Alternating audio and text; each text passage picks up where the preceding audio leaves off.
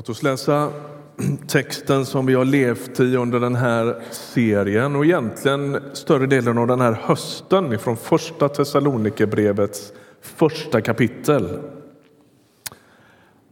Alla berättar av sig själva om vad vårt besök hos er ledde till. Hur ni vände er från avgudarna till Gud för att tjäna den levande och sanne guden och vänta på att hans son, som han har uppväckt från de döda, ska komma från himlen. Jesus som räddar oss från den stundande vreden.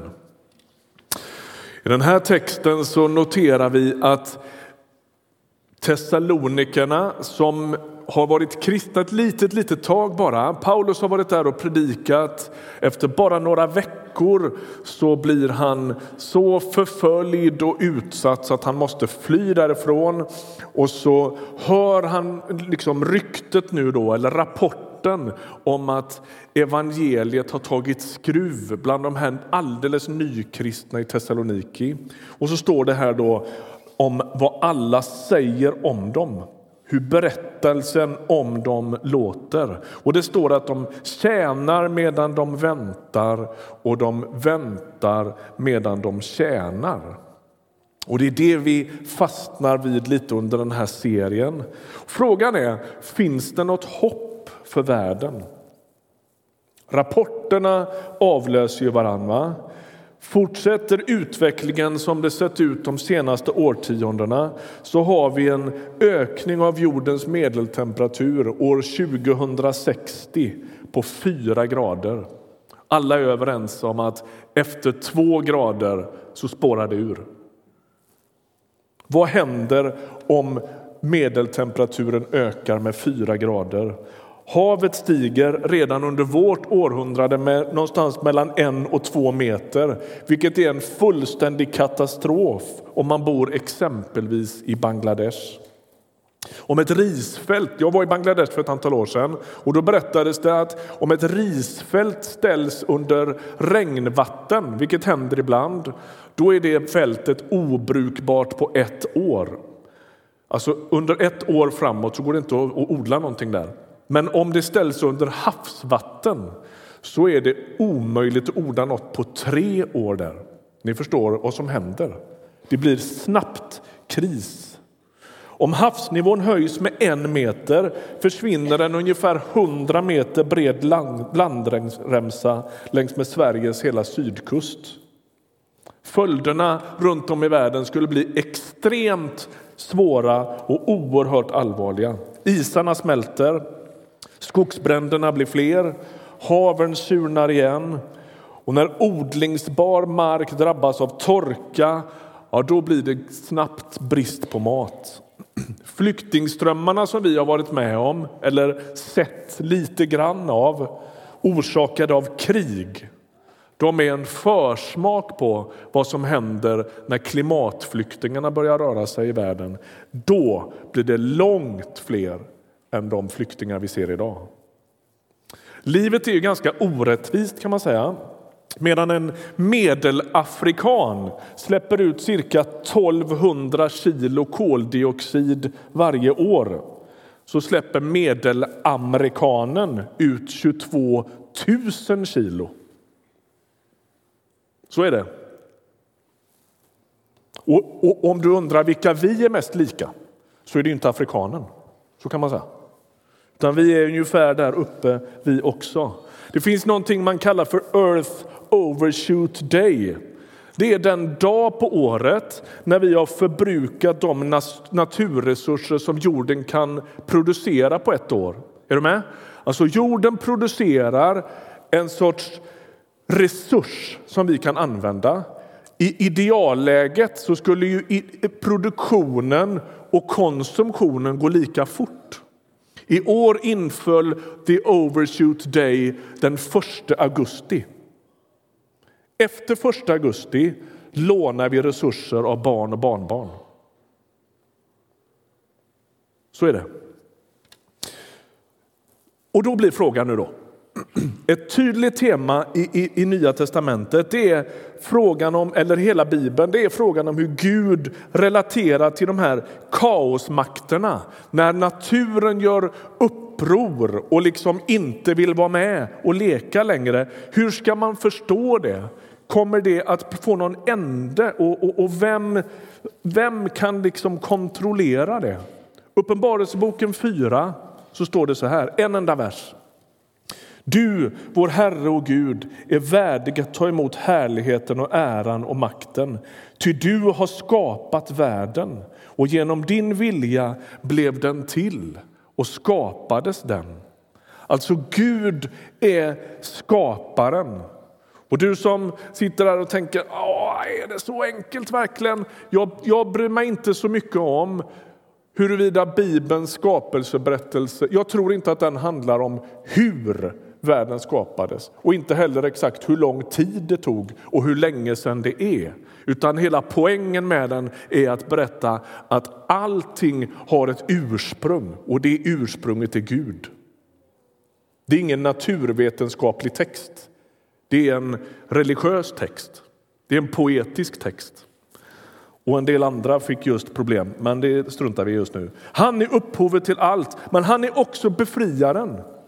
Han står inte utanför det skapade som en sorts åskådare utan Gud har klivit in i skapelsen som dess befriare och räddare. Mikael Telbe, en eh, teolog i våra sammanhang, han har skrivit en bok, han har skrivit många böcker, men en av dem heter Tillbaka till framtiden. Och då säger han så här i den. Gud beskrivs i termer av kamp och lidande. En Gud som så kämpar för sin skapelse att han låter sin egen son offras likt ett lamm för skapelsen och människans befrielse. Gud har makt i historien därför att han är både världens skapare och befriare. Gud har både gjort människan och friköpt henne. Slutcitat. Är det bra? Alla kaosmakterna, allt det vi kallar ondskan gör uppror mot skaparen.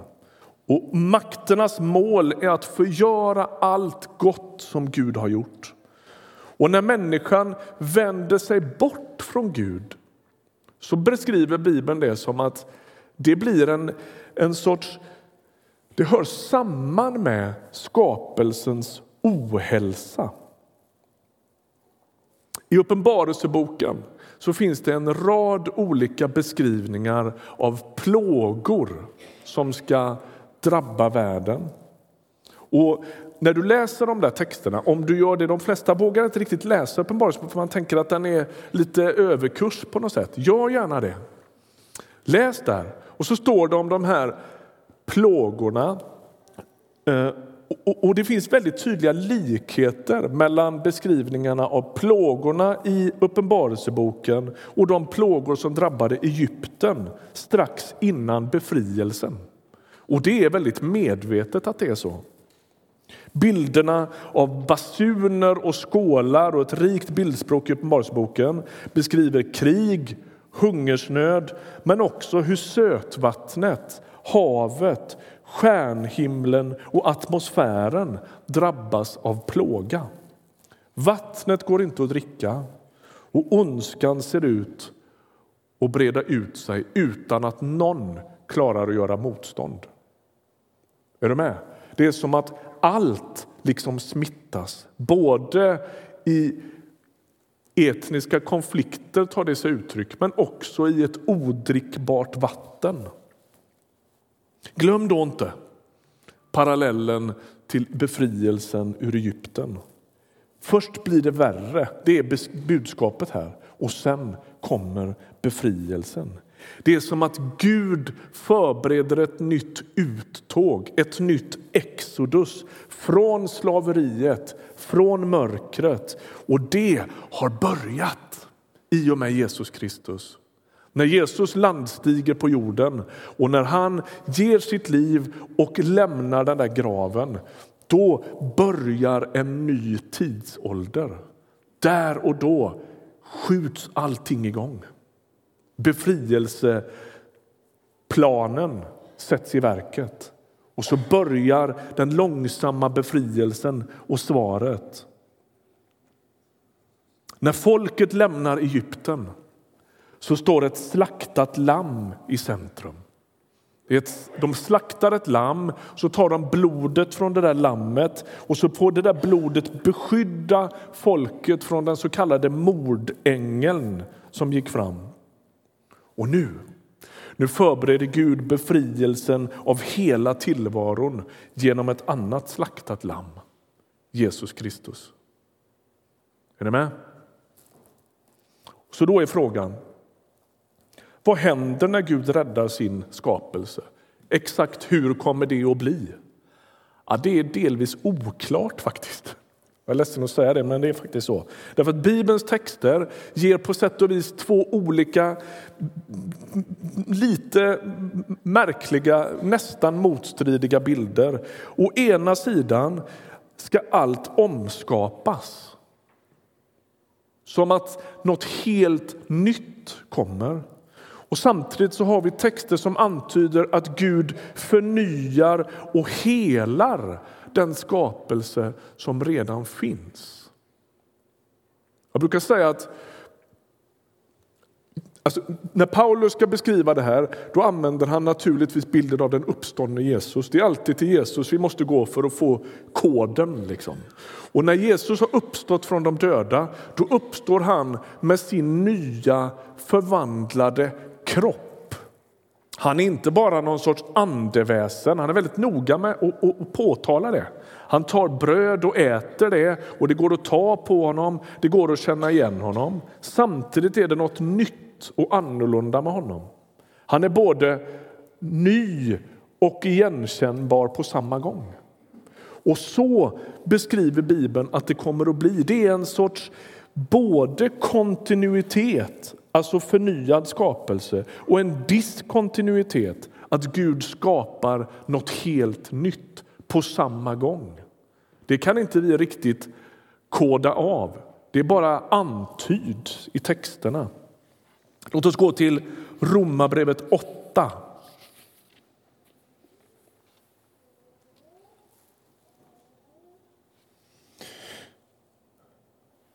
Det är Paulus som skriver till de kristna i Rom Vers 18-21 läser vi. Jag menar att våra lidanden i denna tid ingenting betyder mot den härlighet som ska uppenbaras och bli vår. Alltså han säger inte att vi ska fnysa åt lidandena, han bara säger i jämförelse med hur bra det blir så väger smärtan lätt. Det är trösterikt. Ty skapelsen väntar otåligt på att Guds söner ska uppenbaras. Allt skapat har lagts under tomhetens välde, inte av egen vilja utan på grund av honom som vållade det. Men med hopp om att också skapelsen ska befrias ur sitt slaveri under förgängelsen och nå den frihet som Guds barn får när de förhärligas. Alltså det som hände med Jesus på påskdagen ska hända med Guds barn och det ska också hända med skapelsen. Enastående märkvärdigt. Så Gud har alltså en framtidsplan. Och Frågan blir då, var kommer vi in i bilden? Finns det någon sorts kallelse för oss att uppfatta i det här? Jag tror att det finns en kallelse till Guds folk att leva nyktert. Vi hörde om konsumtionen här. Men det finns också en kallelse att leva hoppfullt.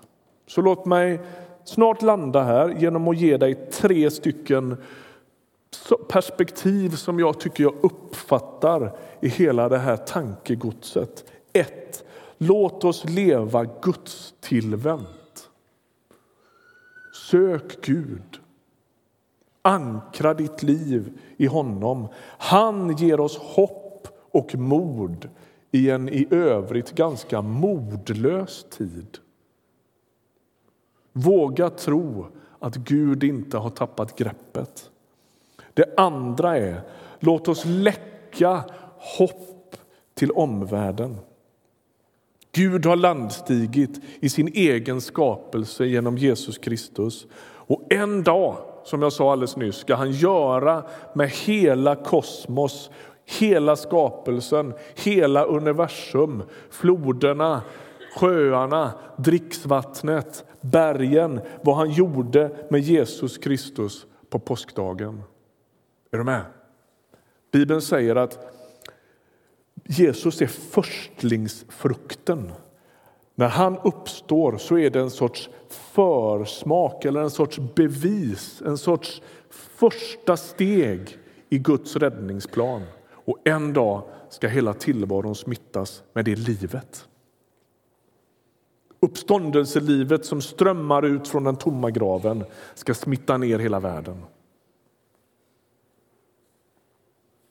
Det här är goda nyheter. 3. Låt oss leva med framtiden i ryggen.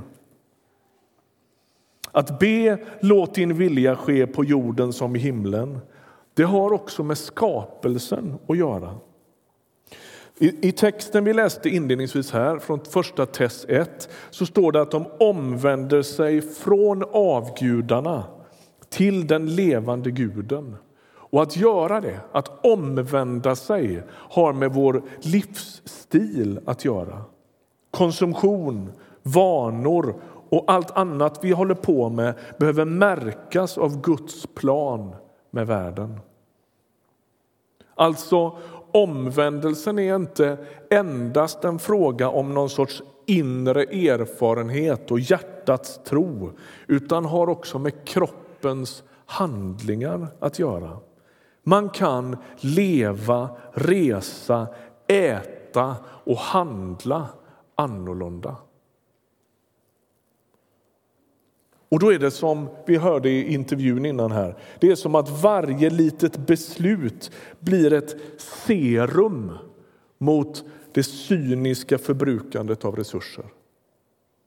Man kan börja leva och shoppa och resa på ett sätt som har med den kommande himlen att göra. Men blir det inte ändå rätt hopplöst och tungt? Det är svårt att göra rätt, eller hur? Nej, inte nödvändigtvis blir det hopplöst och tungt. Jag skulle vilja att du fyller dig med texterna, löftena om Guds utlovade framtid. Låt dem liksom bli en sorts injektion av hopp in i ditt liv så att du kan vara en injektion av hopp till din omvärld. Vi ska avsluta med att läsa en text som jag tycker väldigt mycket om. Jag återkommer till den ganska ofta. Det är Jesus som säger följande i Lukas 21 från vers 25.